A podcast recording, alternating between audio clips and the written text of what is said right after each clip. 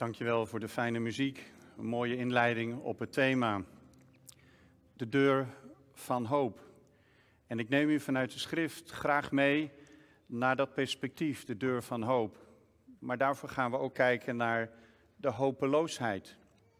Het dal van duisternis waar we soms ons in bevinden en ook de plaatsen der moeite. Maar voordat ik dat ga doen, wil ik graag een zegen vragen over het woord.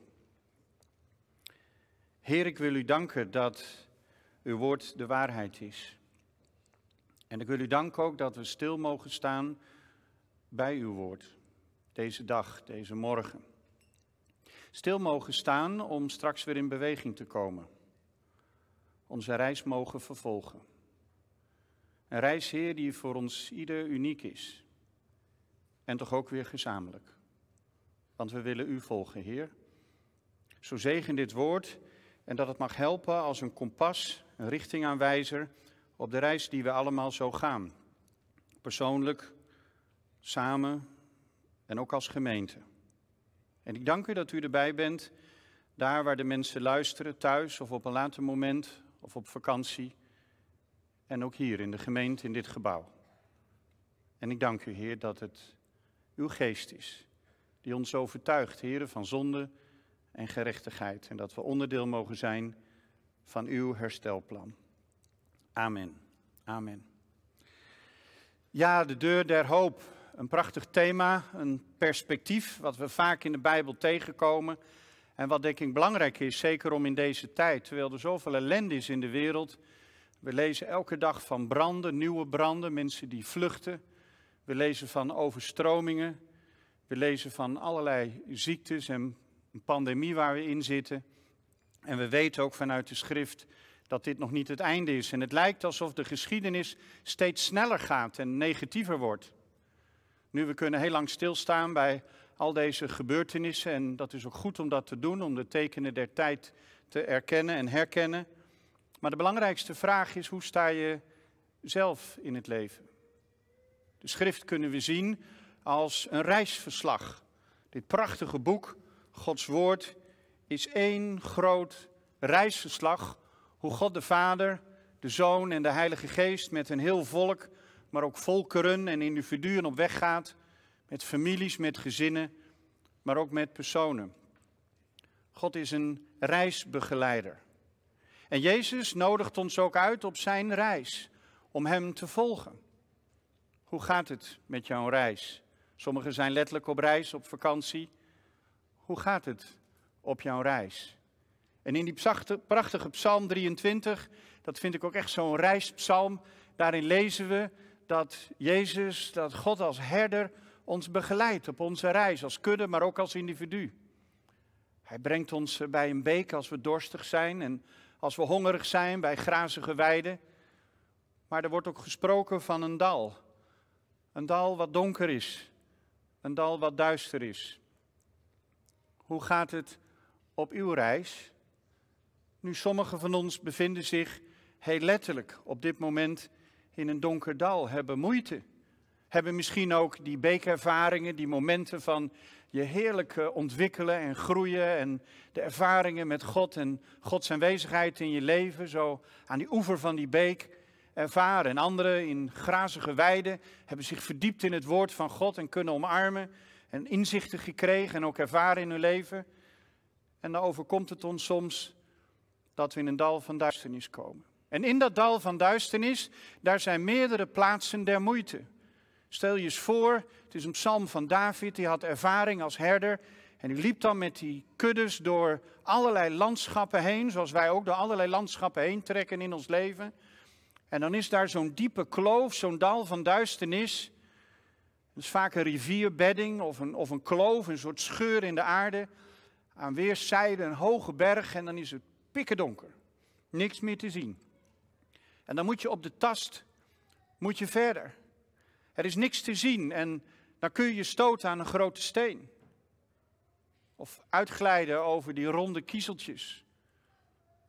En soms kun je ook in een kloofje of in een gat terechtkomen met je been. Dat je vast komt te zitten met je leven. Zo zijn er allerlei beelden die we ons kunnen voorstellen als wij door zo'n dal van duisternis gaan. Laten we eens naar die tekst kijken in dia 2. Het is prachtig wat David dan zegt. In eerste instantie zegt hij dat de Heer hem leidt langs een mooie beek en groene weiden en prachtig vergezichten. En dan zegt hij, maar al gaat mijn weg door een donker dal, ik vrees geen gevaar. Ik vrees geen gevaar. Nou, dat is wat, terwijl je dus geen zicht hebt op de toekomst. Geen, geen zicht hebt op ja, rotsblokken, kiezelsteentjes. Ik vrees geen gevaar, want u bent mij en uw stok en uw staf, die geven mij moed. Nu is het wel eens zo, als je in zo'n dal van duisternis zit, dat je weinig energie hebt. Dat je bij de pakken neer gaat zitten. Dat je denkt, waarom overkomt mij dit nou?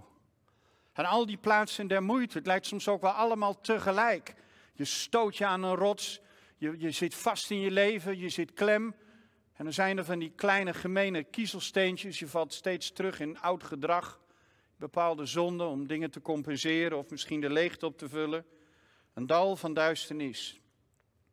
En dan is het Gods stok die ons af en toe even moet aantikken en moet aanmoedigen om op te staan en door te gaan. En dan is het de staf van de herder die, die richting geeft, die onderwijs geeft. Uw stok en uw staf vertroosten mij. Af en toe moeten we even opgepookt worden, even aangezet worden, want in dat dal van duisternis, daar kom ik straks op terug, daar verschijnt ook de deur van de hoop. De deur van de hoop. En ze geven mij, en ze geven mij moed, ze geven mij, ze geven mij kracht. Heer, help mij door dat dal van duisternis heen. Het is heel mooi in de boeken van Edith Eva Eger, ik weet niet of jullie haar werk kennen, een prachtige hulpverleenster, een psychotherapeut. En eh, zij heeft de holocaust overleefd. En een van de dingen die het fundament vormen van haar pastorale en haar psychologische begeleiding is deze tekst. Zelfs al ga ik door een, door een dal van duisternis, door een donker dal, ik vrees geen kwaad. Want wat zegt zij? Ik woon daar niet. Ik woon niet in dat dal, ik trek er doorheen. En soms denken we dat we daarin wonen. Maar zij zegt, ik woon daar niet, ik trek daar doorheen. En zij zegt ook het volgende, ik weiger om mijzelf als een slachtoffer te zien van de holocaust. Zij heeft Auschwitz van binnenuit gezien. Honger, vernedering, afwijzing, moord, ziekte. Alles om zich heen. En ze zegt, ik weiger om mijzelf te zien als een, als een slachtoffer, want ik ben een overlever. Andere positie. Ik woon niet in het dal, maar met Gods hulp trek ik er doorheen. Dat is haar perspectief. Nu, ik kan dat dal van duisternis ook in mijn, in mijn eigen leven. En ik heb daar een aantal dingen in ontdekt. Allereerst heb ik ontdekt, soms is dat dal helemaal niet zo actueel, maar soms zijn er toch nog plaatsen der moeite in onze ziel, beschadigingen, littekens, pijn, plaatsen der moeite, resten uit de periode van een dal van duisternis in ons leven, die, die littekens die nog trekken, die nog, die nog zeer doen. Eerste wat ik heb ontdekt is dat je het onder ogen moet komen. Gods geest overtuigt ons van onze gebrokenheid. Onze kwetsbaarheid ook, dat we het zelf niet kunnen oplossen. En soms, en dat noemen we verdringing, stoppen we dingen weg, duwen we dingen weg. En soms weten we niet eens dat we aangestuurd worden door oude pijn uit ons verleden. Dat de plaatsen der moeite nog actueel zijn, dat die wond nog trekt.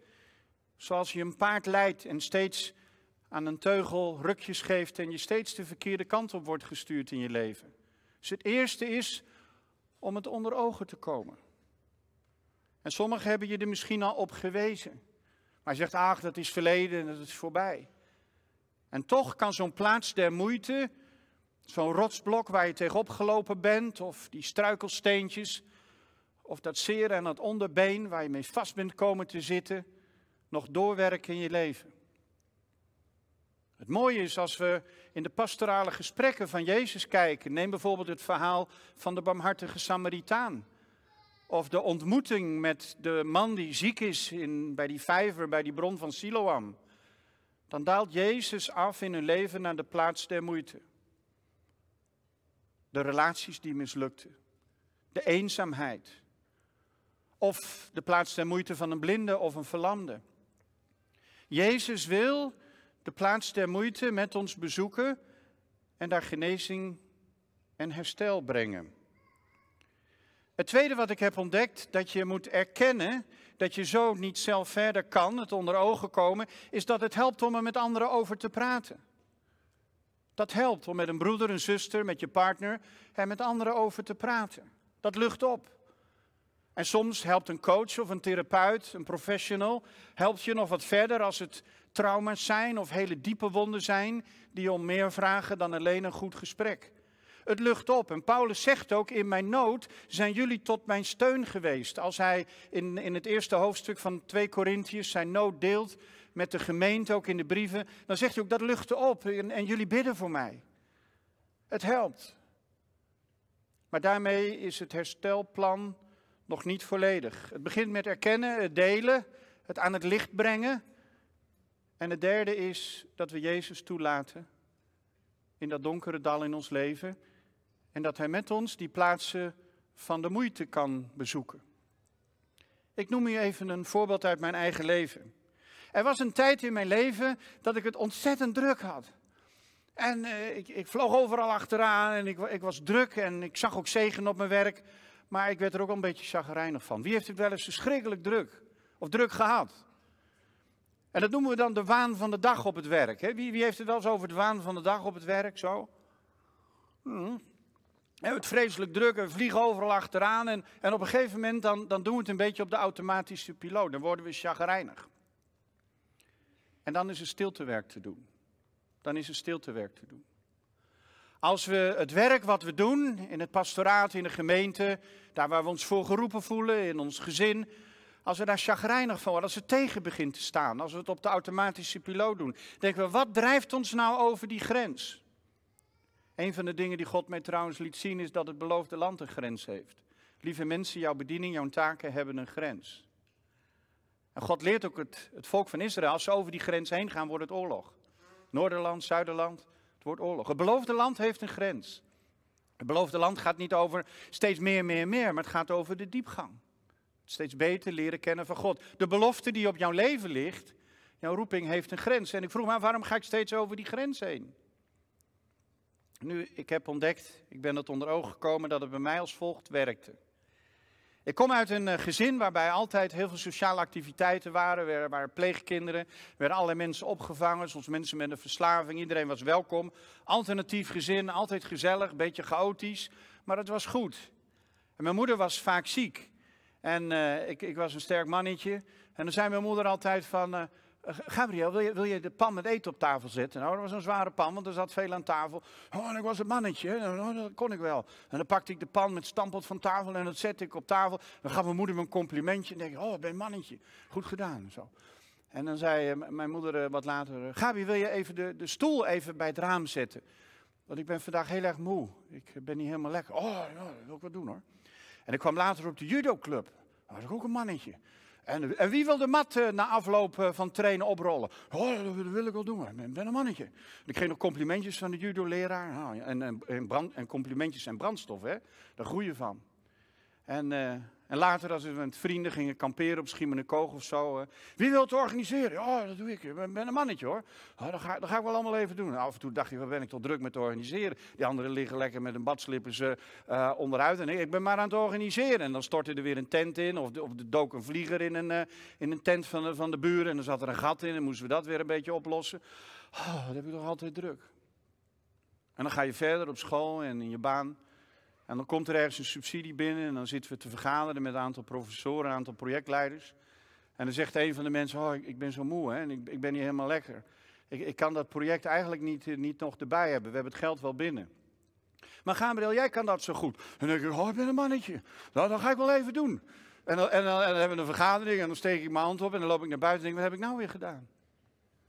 Ik, ik kan het er ook helemaal niet bij doen. Maar ik ben een mannetje, hè. Ja, ik heb mama altijd geholpen en op de judoclub geholpen. En dit zijn, lieve mensen, verkeerde patronen in ons leven. Ik was een tijdje een onbegrensde hulpverlener, sjouwde overal achteraan. Doordat ik zelf uitgeput raakte, moe werd, lichamelijke klachten, longklachten kreeg, moest van die pufjes nemen. En ik bleef het lang ontkennen. Ja, ik heb niet zulke sterke longen, zit in de familie. Ik heb ervoor gebeden, maar kennelijk moet ik ermee leven, soort doorn in het vlees. Nee, nee, nee, nee. Ik ging over de grens heen. Het beloofde land heeft een grens. Jezus zegt, mijn last is licht en mijn juk is zacht. Wat zijn we soms grenzeloos? En mijn neurotische drijfveer, mijn, mijn, mijn verkeerde patroon, dat zat in, in mijn schuldgevoel. Als iemand ziek is of iemand niet, niet kan, dan moet ik het toch oplossen, want ik ben een mannetje. Dat kan ik. En, eh, en een complimentje doet ook nog veel goed voor je ego, dus de volgende keer doe je het weer. Lieve mensen, als je iets weet en iets kan, is het niet meteen ook je roeping. En daar zit soms onze grenzeloosheid. En ik moest hiervoor bidden, ik heb hiervoor laten bidden. En ik heb nog steeds wel eens die reflex dat ik ergens makkelijk op afvlieg. Maar ik moet eerder op mijn grenzen letten. Een eenvoudig voorbeeld van hoe ik de plaats der moeite onder ogen moest komen. Dit ook heb gedeeld met anderen. En in die, in die eenzaamheid ook wel als kind. Waarin ik mijn moeder heb gemist en parentificering noemen we dat in de psychologie. Dat we het een beetje overnemen en, en, en voor onze ouders gaan zorgen. Wat deels natuurlijk kan, maar ook een ongezond patroon kan worden. Dat moest ik afleggen, want het werd een, een verkeerd patroon, waardoor ik steeds over de grens, over de grens heen ging. Het is slechts een voorbeeld. Ik sprak onlangs een, uh, een leider, ik doe af en toe wat coachingsgesprekken. En um, die is toe aan een volgende stap. Als je ergens een functie bekleedt, dan is het soms goed, en hij voelde dat ook in zijn leven, om zo na tien jaar uit te zien naar wat anders. En hij heeft een aantal sollicitatiegesprekken gedaan. En deze beste man die klapte elke keer dicht in het sollicitatiegesprek. Terwijl hij als leider van een grote organisatie het heel goed doet. Inhoudelijk deskundig, doet geweldige projecten op het gebied van energie en duurzaamheid. Maar in een, in een gesprek klapt hij dicht. En we zijn al zoekend, al pratend, pratend dus op bezoek gegaan naar zijn plaats der moeite. Niet dat hij een moeilijk leven heeft of in dat dal van duisternis zit. Maar ik heb hem uitgenodigd om mij eens mee te nemen naar zijn jeugd en naar zijn geschiedenis. En toen vertelde hij dat op jonge leeftijd zijn vader zelfmoord pleegde.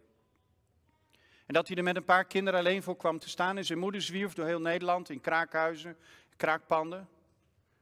En hij heeft twee dingen geleerd van zijn moeder. Als de politie komt, nooit je naam noemen. En er hing altijd een slot op de deur. Tegen de knokploegen of de mensen die je dan als krakers uit het pand wilden slaan of jagen. Een slot op de deur en je naam niet noemen. En later kreeg hij ook nog een langere periode een ernstige ziekte in zijn jeugd. En zoals hij dat zegt, liep mijn lichaam me ook nog in de steek. Als functionaris doet hij het prima. In die rol kan hij een heel komen. Maar op het moment dat hij in een sollicitatiegesprek zijn hart moet laten zien, hangt er een slot op de deur. Heeft hij geleerd om zijn naam niet uit te spreken. En heeft zijn lichaam hem ook in de steek gelaten. De plaats der moeite bezoeken. En soms is daar nog herstelwerk te doen. En soms is het belangrijk om dat onder ogen te komen, omdat dat verleden, dat dal van duisternis is soms voor een deel verdwenen, maar die plaatsen der moeite, die werken nog door in je leven.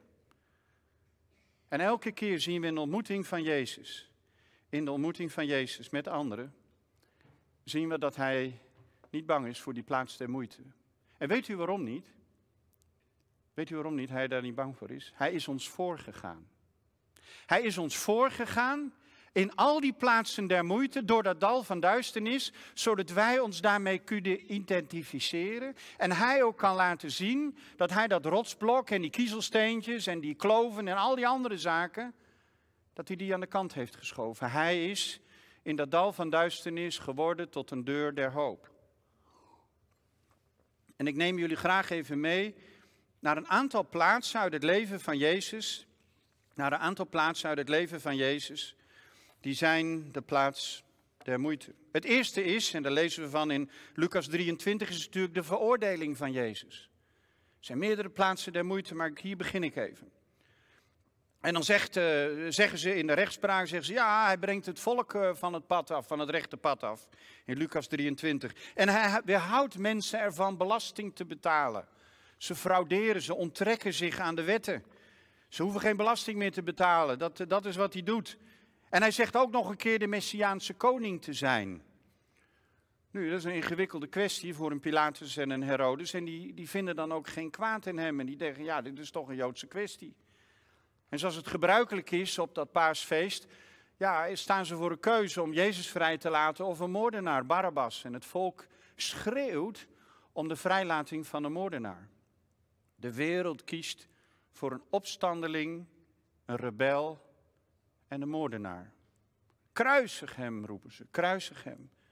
En het is alsof op dat moment de bek van de dood zich openspert, de, de, de, de toegang tot het dal van duisternis zich opent en Jezus daar naar binnen treedt. Een van de elementen in dat dal van duisternis is natuurlijk de pijn van het verraad door een goede vriend, een van de twaalf, Judas. En Judas die, die onttrekt zich en die verraadt hem. En waarom? Omdat Jezus niet meer in zijn plaatje past en het levert ook nog wat geld op, de prijs van een slaaf. Nu de plaats der moeite van sommigen van jullie, en let op het woord sommigen, ik zal dat vaker gebruiken hierna. De plaats der moeite van sommigen van jullie is het verraad. Je past er niet meer in het plaatje van een ander. Het levert er misschien ook nog geld op. Je bent verraden, als het ware verkocht. Aan de kant gezet. Je past er niet meer in het plan, in het plaatje van iemand. En je bent diep gekwetst en geraakt. En misschien wel je beste vriend. Of één van je vrienden.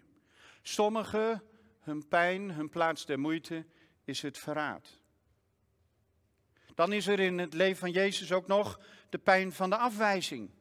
De sociale uitsluiting. We lezen daarvan in, uh, in de schrift in Johannes. Uh, in Johannes 13 wordt Jezus, die, die waarschuwt hem en die is ook bedroefd over Petrus. Dan zegt hij tegen Petrus, ja, ook jij zal me in de steek laten. Oh nee, dat ga ik niet doen. Uh, zit hij daar bij een vuurtje. Ja, jij hoort ook bij hem, Petrus, of meneer. Nou, nee, ik, ik hoor er niet bij. Sommigen van jullie, hun pijn zit in de afwijzing. Op het moment dat je dacht, hij of zij zal voor mij staan, je vader, moeder, levenspartner, een collega, hebben ze je in de steek gelaten. Misschien was je er niet bij, hebben ze slecht over je gesproken, je geroddeld. Hebben ze je in de steek gelaten. En die wond, die trekt nog steeds. Je bent niet serieus genomen en die ander die je zo vertrouwde, is als een vreemdeling geworden.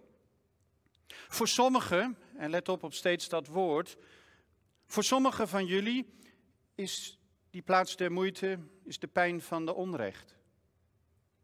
Sommigen hebben jou van iets beschuldigd. We zien dat ook veel in echtscheidingssituaties, in gebroken gezinnen. De pijn van het oordeel van een ander. Onterecht. En het wordt helemaal pijnlijk als er andere familieleden en kinderen bij betrokken zijn. Dat je van iets beschuldigd wordt wat niet juist, niet terecht is. Of uit zijn verband is getrokken. Of in een werksituatie. Dat je beschuldigd wordt van fouten of dingen waar je niets of maar ten dele iets aan kon doen. Sommigen plaats der moeite is het, is het onrecht. Het valse oordeel. Voor anderen is de plaats der moeite de vernedering. Ook daar lezen we van in Johannes 19.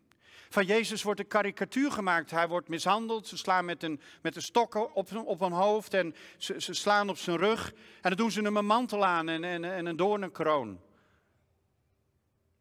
Van sommigen van jullie is de plaats der moeite de vernedering. Ze hebben een karikatuur van je gemaakt. Je uitgelachen vanwege een beperking, een handicap.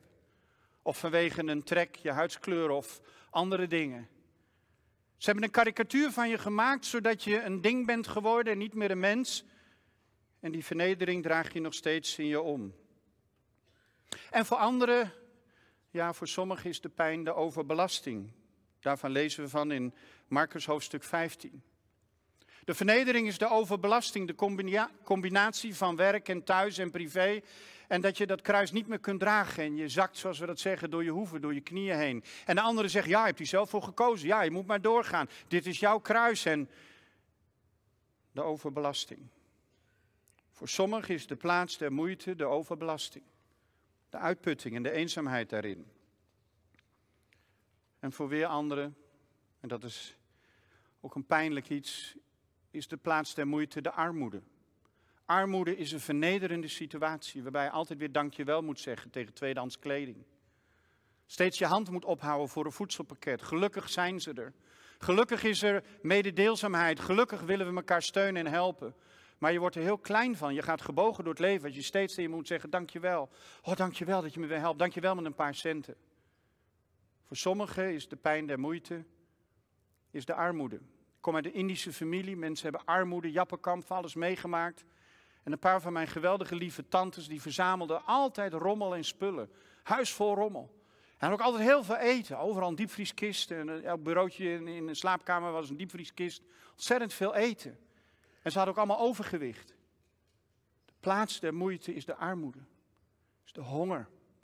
Is de vernedering. En als je daar niet overheen komt, kun je je leefstijl, je leefpatroon, kun je ook niet veranderen. En ik noem er nog even één.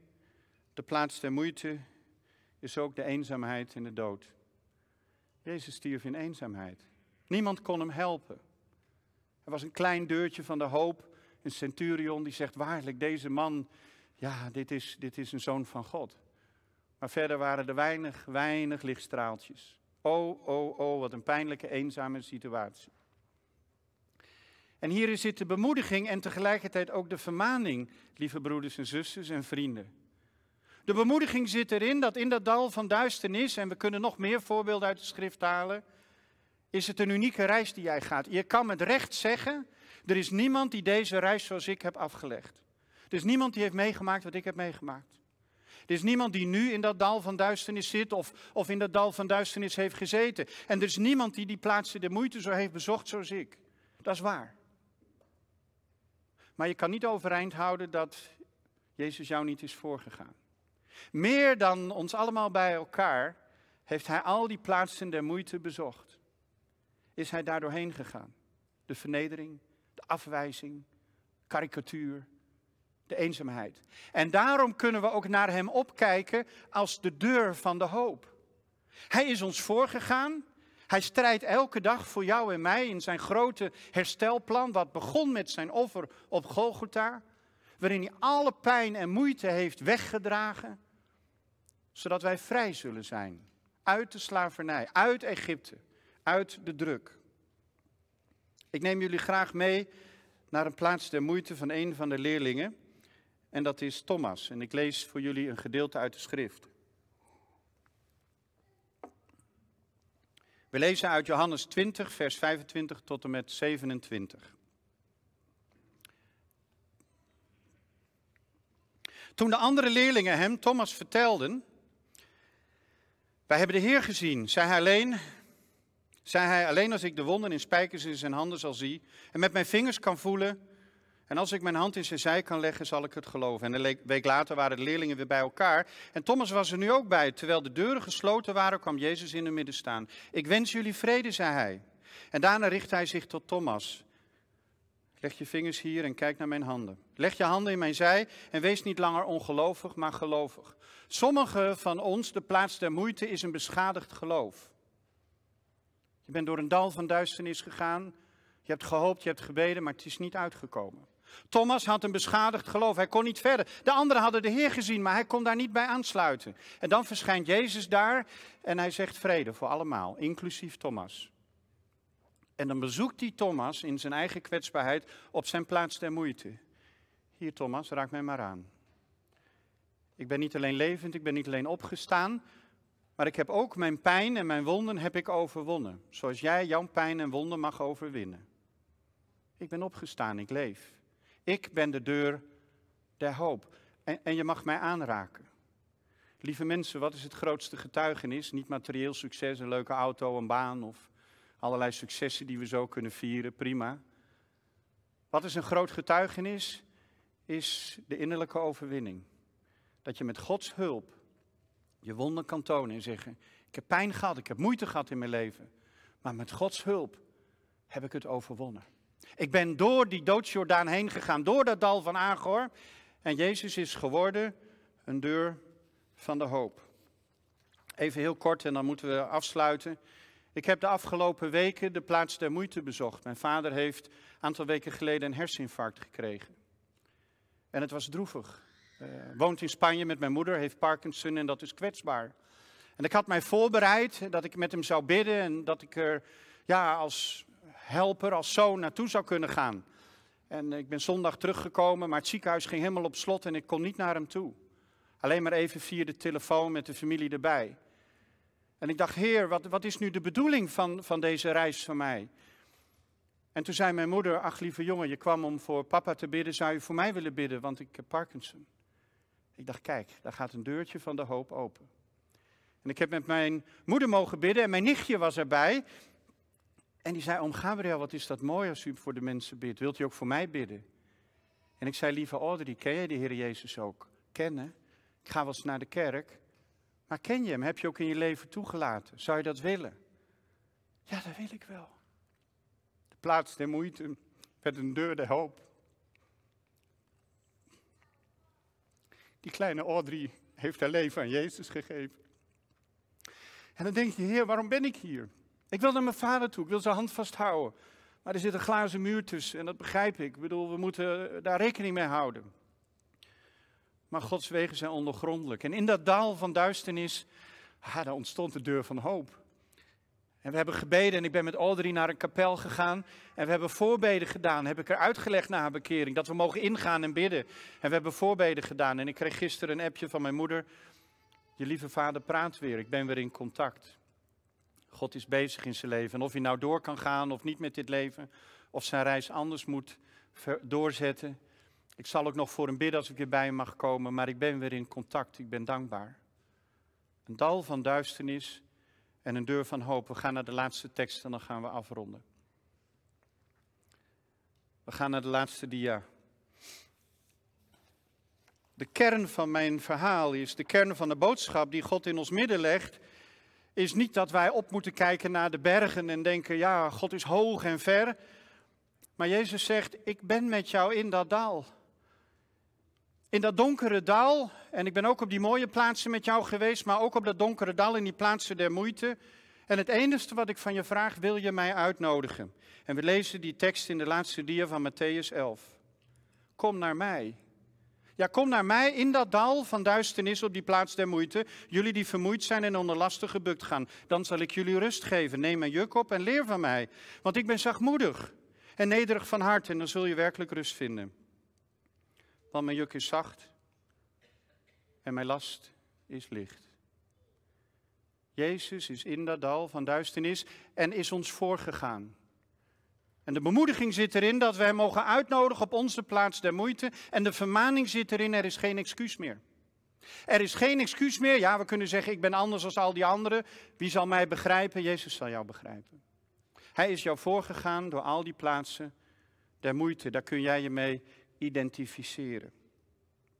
En dit is het woord van de Heer als onderdeel van zijn herstelplan wat hij deze morgen in ons midden legt. Zullen we een moment stil te nemen en bidden samen. En wilt u met mij bidden als u dat wilt, met open handen en een open hart. Heer, soms gaan wij door een duister dal, een dal van duisternis. Maar wij weigeren om daar als slachtoffer te verblijven. Wij zijn in uw naam overlever. En ik bid u, heren, voor de mensen die zich herkennen in dat dal van duisternis, zoveel plaatsen der moeite, dat terwijl wij onze handen zo open houden, dat zij u zullen uitnodigen op dit moment. En spreek dat ook zo op dit moment even uit, in een kort woord. Heer, ik nodig u uit. Ik heb lang zelf aangemodderd en het geprobeerd. Ik nodig u uit in mijn pijn, in mijn oude littekens, in mijn verwonding. En ik dank u dat ik onderdeel mag zijn van uw genezing, uw herstelplan. Met mij, met uw gemeente, met uw volk. Jezus, ik wil u volgen. Ik wil u danken dat u mij bent voorgegaan en al die plaatsen der moeite voor mij hebt bezocht. Jezus, ik wil beleiden samen met al die anderen. U bent de deur van mijn hoop.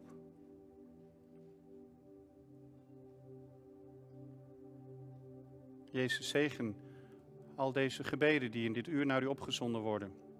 Kom met uw Heilige Geest in ons hart, in ons leven. Daar waar er verwonding is in onze ziel. Herstel ons, Heer, zodat wij de rechte koers weer kunnen lopen. Niet scheef getrokken worden. En dat we zullen herstellen en zullen mogen groeien naar het beeld van de Zoon. En alles wat daarin in de weg staat zal verdwijnen in Jezus' naam. Want de dal van duisternis Jezus gaat ons voor, is geworden tot een deur der hoop. Amen. Amen.